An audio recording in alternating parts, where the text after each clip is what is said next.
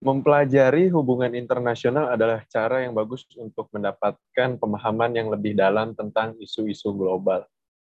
Ini adalah subjek yang menarik dan penting yang menempatkan penekanan besar pada ekonomi, budaya, pendidikan, dan ilmu politik, serta meneliti dampaknya terhadap masyarakat.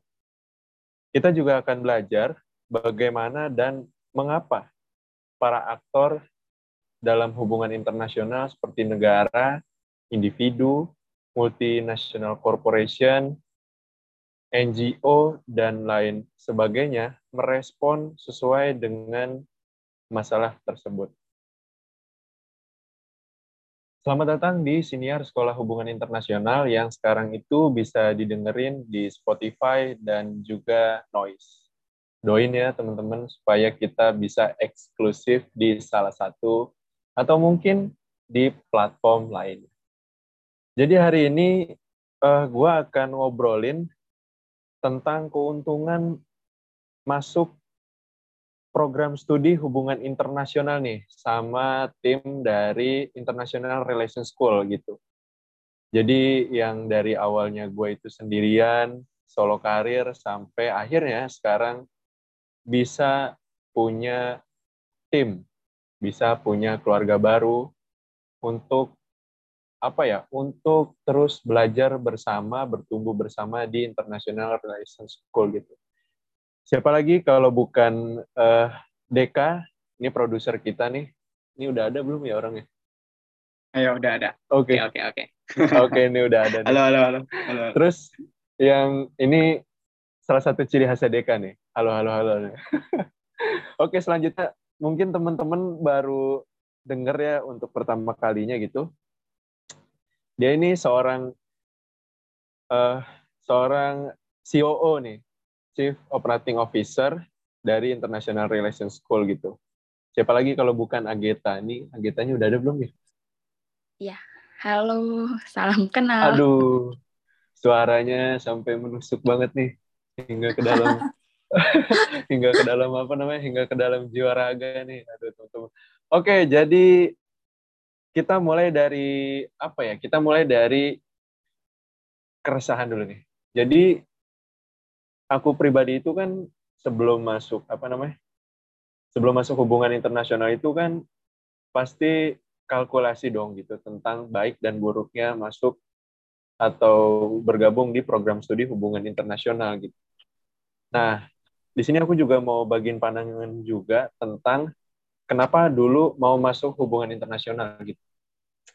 Jadi singkatnya dulu itu memang benar gitu ya.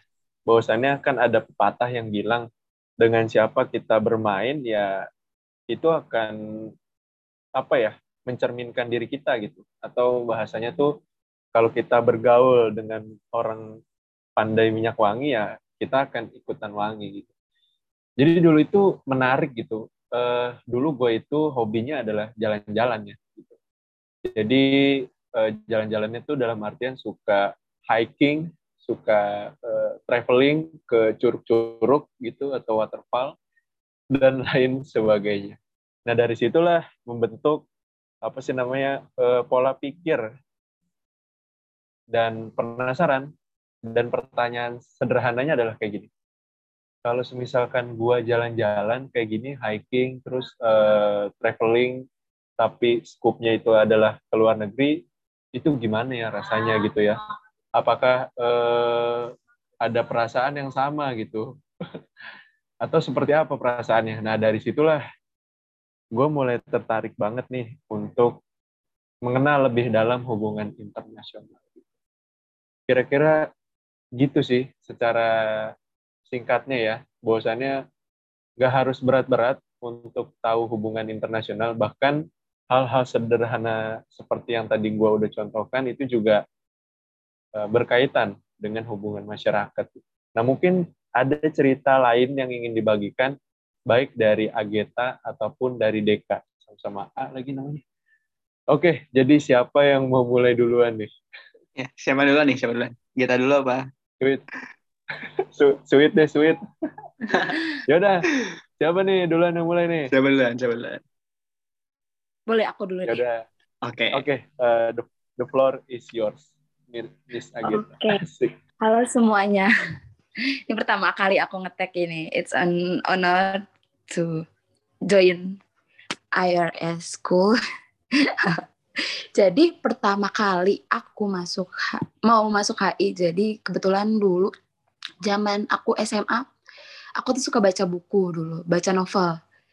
Iya, jadi dulu aku sering nabung tuh duit aku misalnya per hari, terus aku beli buku. Nah, terus aku nemu satu buku waktu itu judulnya itu Negeri Lima Menara. Mungkin banyak yang udah familiar sama Negeri Lima Menara. Waktu itu aku baca tentang eh, waktu zaman aku ingat banget aku baca pertama kali itu tuh sekitar aku SMA kelas 2. Terus aku baca eh, itu kan eh, nggak jauh dari perjalanan pendidikan seseorang ya aku bisa melihatnya. Jadi pas aku baca kebetulan pemeran utamanya itu dia masuk jurusan ilmu hubungan internasional. Terus aku baca dari eh, kebetulan dia sekual dari negeri lima menara karena tiga warna.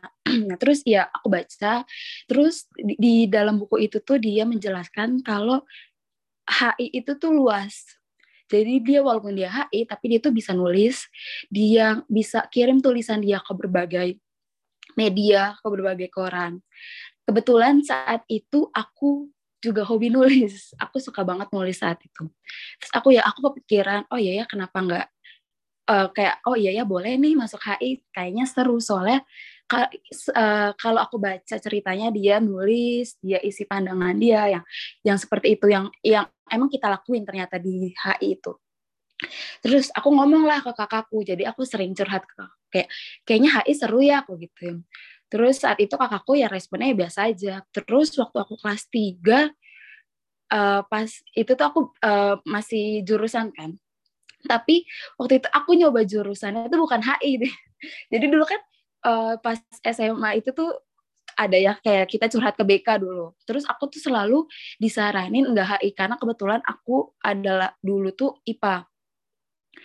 Terus udahlah terus aku maunya HI sebenarnya tapi aku nurut ke BK aku dulu. Terus jadi aku waktu itu tuh tes-tes itu tuh tapi enggak HI. Terus sampai tiba-tiba kakakku pulang terus kakakku bilang, e, "Get udah HI aja. Gue ada nih kampus yang waktu itu aku eh, aku masukin karena dulu ada teman kakakku di sana." Terus ya udah singkat eh, singkat cerita aku masuk sana. Gitu sih. Ya mungkin sudah. Ini iya, iya udah tahu kok udah. Oke oke oke. Ini ikut, mulai sorry ya. mulai apa namanya? eh mulai agak berbeda nih. Apa sih namanya? Iya, iya. Starting pointnya tuh mulai mulai berbeda nih. Teman-teman udah bisa rasakan kan? Kalau semisalkan aku starting pointnya itu adalah dari apa ya? Dari pertemanan yang memang sukanya jalan-jalan gitu. Dan itu adalah membentuk bagaimana pola pikirku kan. Salah satunya adalah untuk berpikir eh, bagaimana ini kalau kita tuh eh, apa jalan-jalannya tuh ke luar negeri. Nah, kalau Ageta tadi adalah starting point adalah dari buku seperti itu. Dan kita tertarik nih untuk dengerin bagaimana Deka berbagi ceritanya soal minatnya dia pada hubungan internasional. Oke, Deka, go through the floor is yours. Ya, first of all ini ya disclaimer dulu ya. Jadi eh, Oke, Kuliah. oke. kuliahnya tuh kuliah gue nih itu bukan HI itu. Karena HI itu cuman kayak penjurusan aja gitu. Jadi prodinya itu ilmu politik, cuman kita ketika di semester 3 tuh kita bisa milih mau konsentrasinya politik Indonesia atau HI. Nah, ke- kebetulan karena nggak suka sama politik Indonesia ya, karena terlalu banyak sentimen yang nggak jelas gitu. Jadi decided to eh, pilih HI gitu. Nah, cuman alasannya adalah itu kan kalau misalnya novel tuh kayak dia traveling ke mana gitu. Jadi punya inspirasi. Terus kalau Algeta tuh dari akademik banget dari buku. Nah, sebenarnya kalau kalau gue itu receh banget sih. Lebih receh tuh ya. Jadi ya novel karena udah kenal lama ya. Kita dari SMP udah kenal ya Bal, ya. itu kan karena gue suka buat nonton bola tuh ya satu kursus Buat satu nonton bola. kursus asli satu kursus ya ya satu kursus oke oke suka buat nonton bola oke gitu. oke nonton bola Eh, bener deh nonton bola tuh sampai di atas lapangan sampai di luar lapangannya pun itu menurut gue menarik banget jadi karena di luar lapangan itu ada sentimen-sentimen politik kayak simpel apa ya sentimen-sentimen kayak eh, San Pauli itu di Jerman dia pakai apa sayap kiri komunis sosialis gitu. Jadi menarik banget jadi dari situ tuh. Nah kenapa HI baik lagi kenapa HI karena kayaknya yang bisa provide apa yang gue mau tuh ada di HI gitu. Jadi receh banget sih gara-gara nonton bola. Kayak gitu. Cuman sama sama juga kayak kita tadi. Dia suka baca novel sama sih. ke dulu kan pas SMA tuh ya itu kan zaman zamannya udah kenal kenal kayak eh, mungkin bacaan Das Kapital atau bacaan bacaan si Franz Kafka. Dulu pas SMA tuh sempat udah kenal gituan tuh bacaan gituan. Jadi ya menariknya di situ sih. Kayak gitu sih. Ini ngajak kita ya bahwasannya sekali lagi hubungan internasional itu nggak harus melulu untuk bagi yang senengnya nggak berat-berat pembahasannya itu dari hal-hal sederhana dari kehidupan sehari-hari aja pun bisa. Dari hobi eh, terus untuk yang senengnya yang lebih terstruktur nih pembahasannya dari baca buku dan lain sebagainya juga itu bisa gitu. Jadi hubungan internasional ini bisa kita pelajari dari berbagai macam aspek ya, selagi itu sifatnya tuh lintas batas. gitu. Oke, Eh, dari situ kita mulai ke merasa ada nggak sih keuntungan masuk hubungan internasional gitu atau minat di dalam hubungan internasional. Kalau dari gua pribadi itu ada beberapa sih keuntungannya sampai saat ini gitu. Setidaknya tuh yang gue tawarkan kurang lebih itu ada berapa ya? Ada ada satu kalimat deh gitu. Gue tuh seneng banget dengan yang namanya nggak seneng banget juga sih, tapi cukup tertarik lah gitu dengan yang namanya think globally but act locally itu kan jargonnya banyak tuh ditemuin oleh teman-teman ya bagaimana kita berpikir global namun juga eh, tidak meninggalkan kearifan lokal gitu. Nah kira-kira salah satu keuntungan yang gue dapatkan hingga sampai saat ini secara sederhana adalah itu. gitu. Nah mungkin dari Deka ataupun dari Ageta bisa menambahkan perspektif lain. Kalau tadi sudah ada Ageta, coba sekarang kita ke Deka dulu. Gimana ini? Dek, perspektif lainnya. Em, kalau perspektif lain gitu atau keuntungan ya setuju sih kayak sama thinking globally terus juga gimana kita, cara kita lihat apa ya lihat something gitu di luar yang sebenarnya ya mungkin setiap orang pun bisa gitu ana- analisis sendiri gitu. Nah cuman kita sebagai yang pernah belajar disiplin ilmu HI ya kita melihatnya pasti di sisi yang banyak gitu di banyak sisi gitu. Nggak nggak kayak semisal apa ya gimana orang lihat konflik gitu konflik satu negara atau konflik beberapa negara kayak dengan sentimen yang yang apa ya terlalu fundamental kayak agama atau sentimen politik lain gitu ya nah kita sebagai eh, yang pernah belajar HI pun kita nggak langsung asal judging kalau itu eh, perbuatan siapa gitu atau perbuatan kayak gimana gitu. jadi ya baik lagi namanya disiplin ilmu itu kan gimana cara kita melihat ya sama gimana cara kita berpikir atau cara gimana kita menyikapi sesuatu gitu sih. Jadi keuntungannya ya, ya kayak gitu. Gimana kita lihat, gimana kita bersikap sama gimana kita memikirkan sesuatu. Kayak gitu. Kata-kata terakhir yang diutarakan, sah gokil diutarakan sama Deka Azhara ini mengingatkan gue kembali terhadap sebuah tweet ya. Itu eh, ini serupa tapi tidak sama gitu. Dia tuh isi tweetnya kayak gini. Hmm, hmm. Dunia itu cuma satu. Tapi Iya. perspektif tapi perspektifnya banyak gitu. Iya, setuju. Dunianya itu cuma satu tapi perspektif itu banyak gitu. Mm, mm, Jadi- setuju, setuju. uh, ini mengajak kita kembali dengan yang namanya perdebatan besar dalam hubungan internasional kan gitu. Kenapa itu sampai ada yang dinamakan four great debates ya, itu uh, correct me if I'm wrong kalau nggak salah. Itu kan ada perdebatan satu, dua, tiga, dan uh, empat yaitu kalau nggak salah pernah gue bahas di senior-senior sebelumnya, jadi uh, bisa dengerin aja di senior sebelumnya. Itu kan kalau yang gue pahami di antaranya adalah ketika apa ya, ketika uh, pemikiran ketika suatu pemikiran gagal menjelaskan suatu fenomena atau peristiwa, maka akan lahir pemikiran-pemikiran uh, berikutnya yang bisa menjelaskan kan. Ini sekedar apa? Sekedar gua retrospeksi aja dengan apa yang tadi udah disampaikan Deka gitu. Oke, teman-teman, kiranya itu untuk pandangan Deka, mungkin kita bisa ngelihat pandangan lain atau perspektif lain dari uh, Agit. Uh, mungkin kalau untuk jawabanku nggak jauh beda sama Dika dan Novel. Di HI itu yang yang sampai saat ini melekat ya. Salah satu keuntungannya adalah di HI itu mengajarkan aku untuk melihat suatu peristiwa uh, dengan berbagai pandangan. Jadi kayak misal kita mandang suatu kayak uh, perdagangan, bisa aja orang mikir itu liberal atau misal aja orang mikir itu neo uh, neorealis. Maksudku dari satu pandangan itu tuh bis, dari satu kejadian bisa dilihat dari berbagai sisi. Itu salah satu hal yang aku rasainnya. Itu yang membuat aku belajar untuk nggak bias untuk melihat sesuatu. Jadi bisa ada uh, kayak uh, nggak nggak hanya suatu permasalahan yang serius ya. Kayak misal permasalahan hidup misalnya curhatkan. Bisa ada permasalahan okay, hidup okay. bisa okay, kita menghadapi suatu masalah nih nggak jadi kita tuh bisa melihat itu dari berbagai sisi.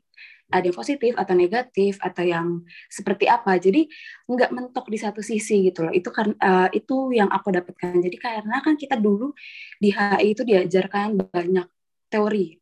Satu peristiwa kita bisa pakai berbagai teori berbagai konsep. Jadi pemikiran krit uh, pemikiran itu tuh yang yang masih kebawa sama aku sekarang itu itu juga yang membantu aku untuk melihat ya keadaan dunia sekarang jadi kayak uh, kayak seperti apa ya? Kayak misalnya sesuatu yang negatif ya nggak selamanya kita bisa dilihat negatif sekali, bisa aja negatifnya ya negatif sedang atau ya negatifnya negatif atau ada yang atau bisa aja ada orang yang mandang itu sebagai positif. Jadi itu sih. Jadi aku menurutku uh, teori-teori HI, pelajaran-pelajaran HI itu mengajarkanku untuk tidak bias melihat sesuatu.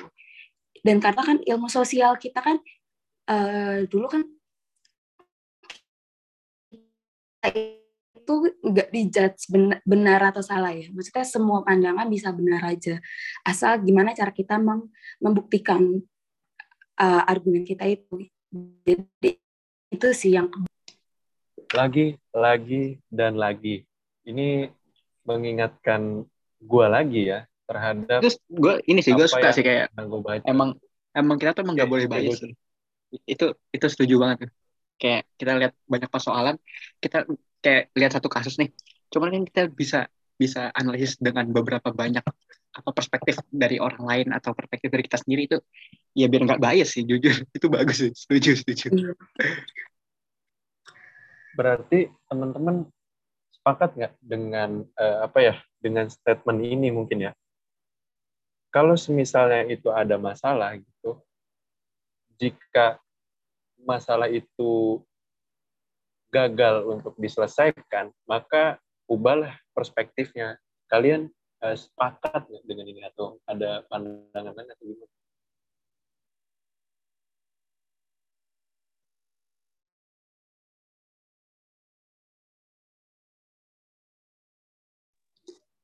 Sorry, Val, sorry. Bisa diulang, sorry.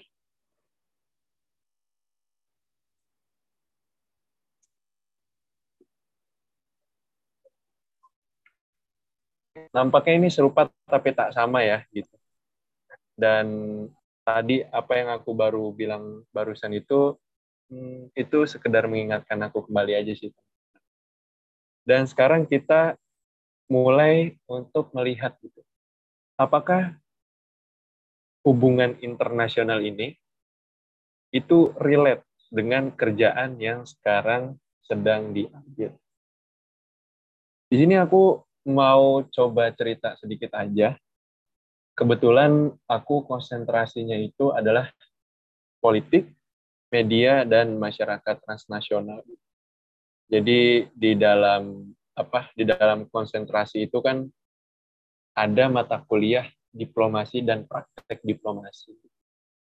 Dan itu adalah salah satu mata kuliah yang di mana tuh uh, eh, gue selalu excited gitu ya untuk untuk belajar.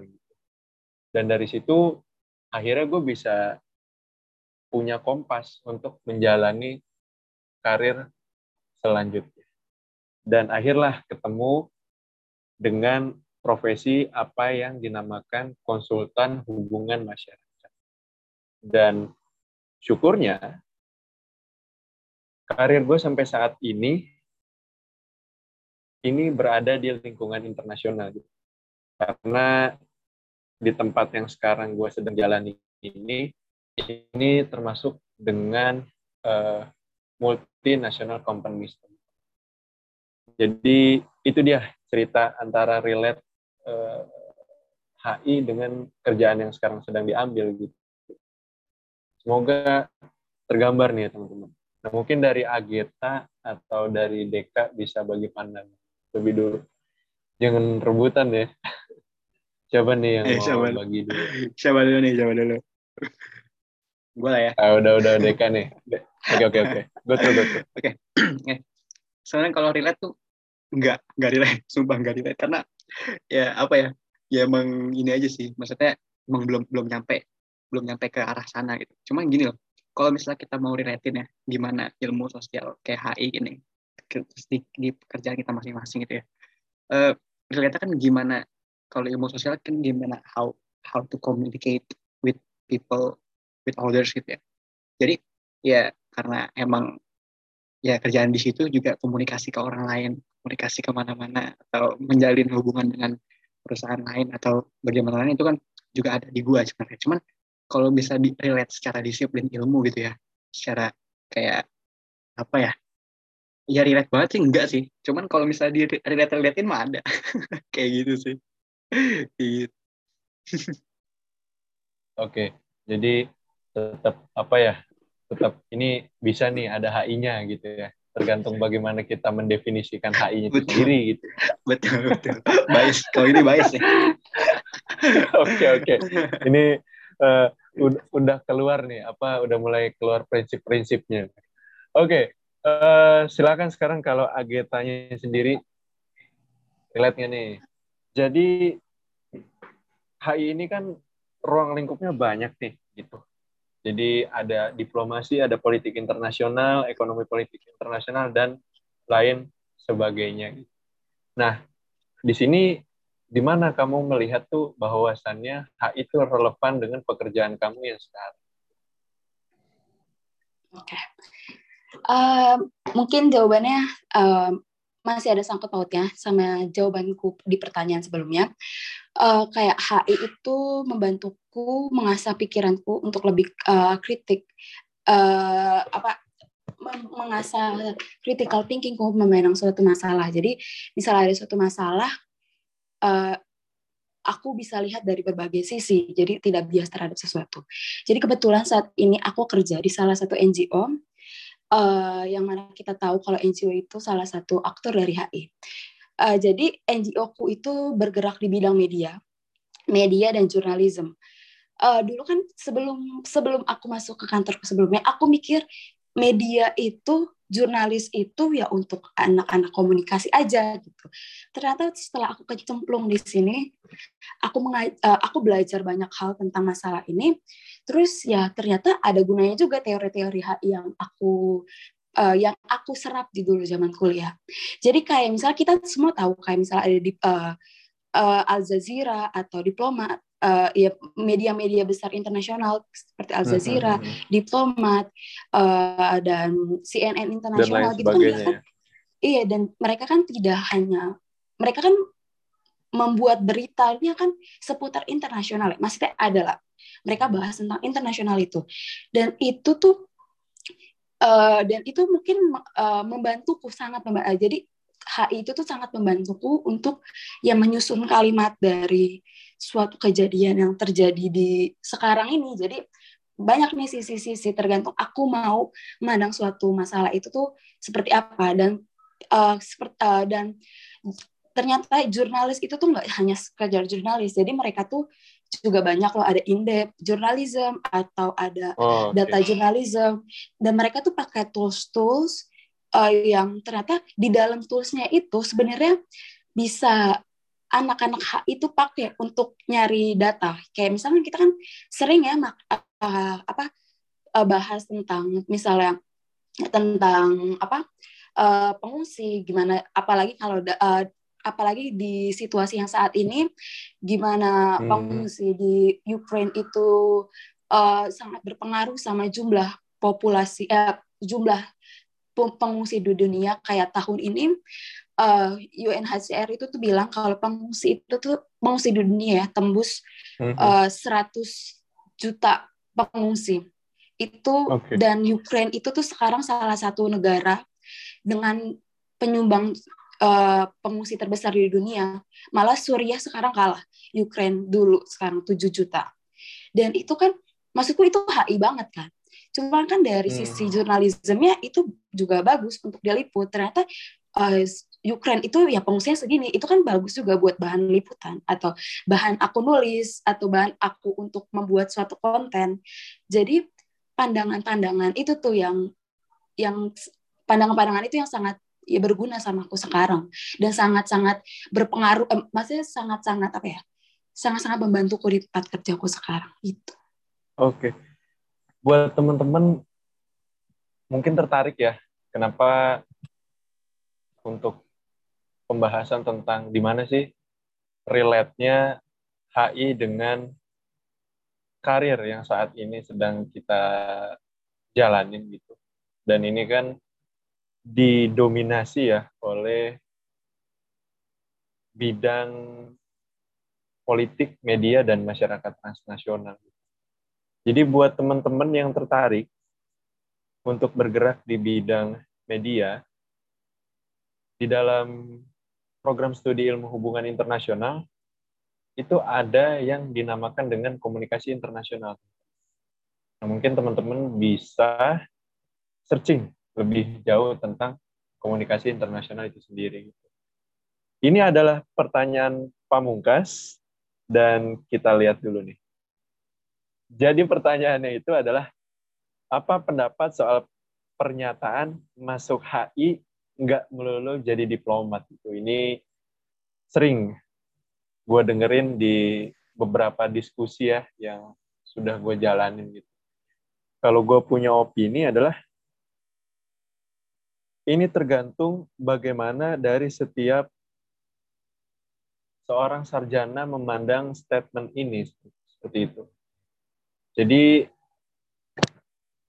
sebagai contoh adalah tiga kampus tiga kampus apa ya bisa dibilang tuh ini ada tiga kampus yang di mana tiga kampus ini tuh dia mempunyai program studi hubungan internasional. Jadi dia ini bisa dibilang pelopor gitu.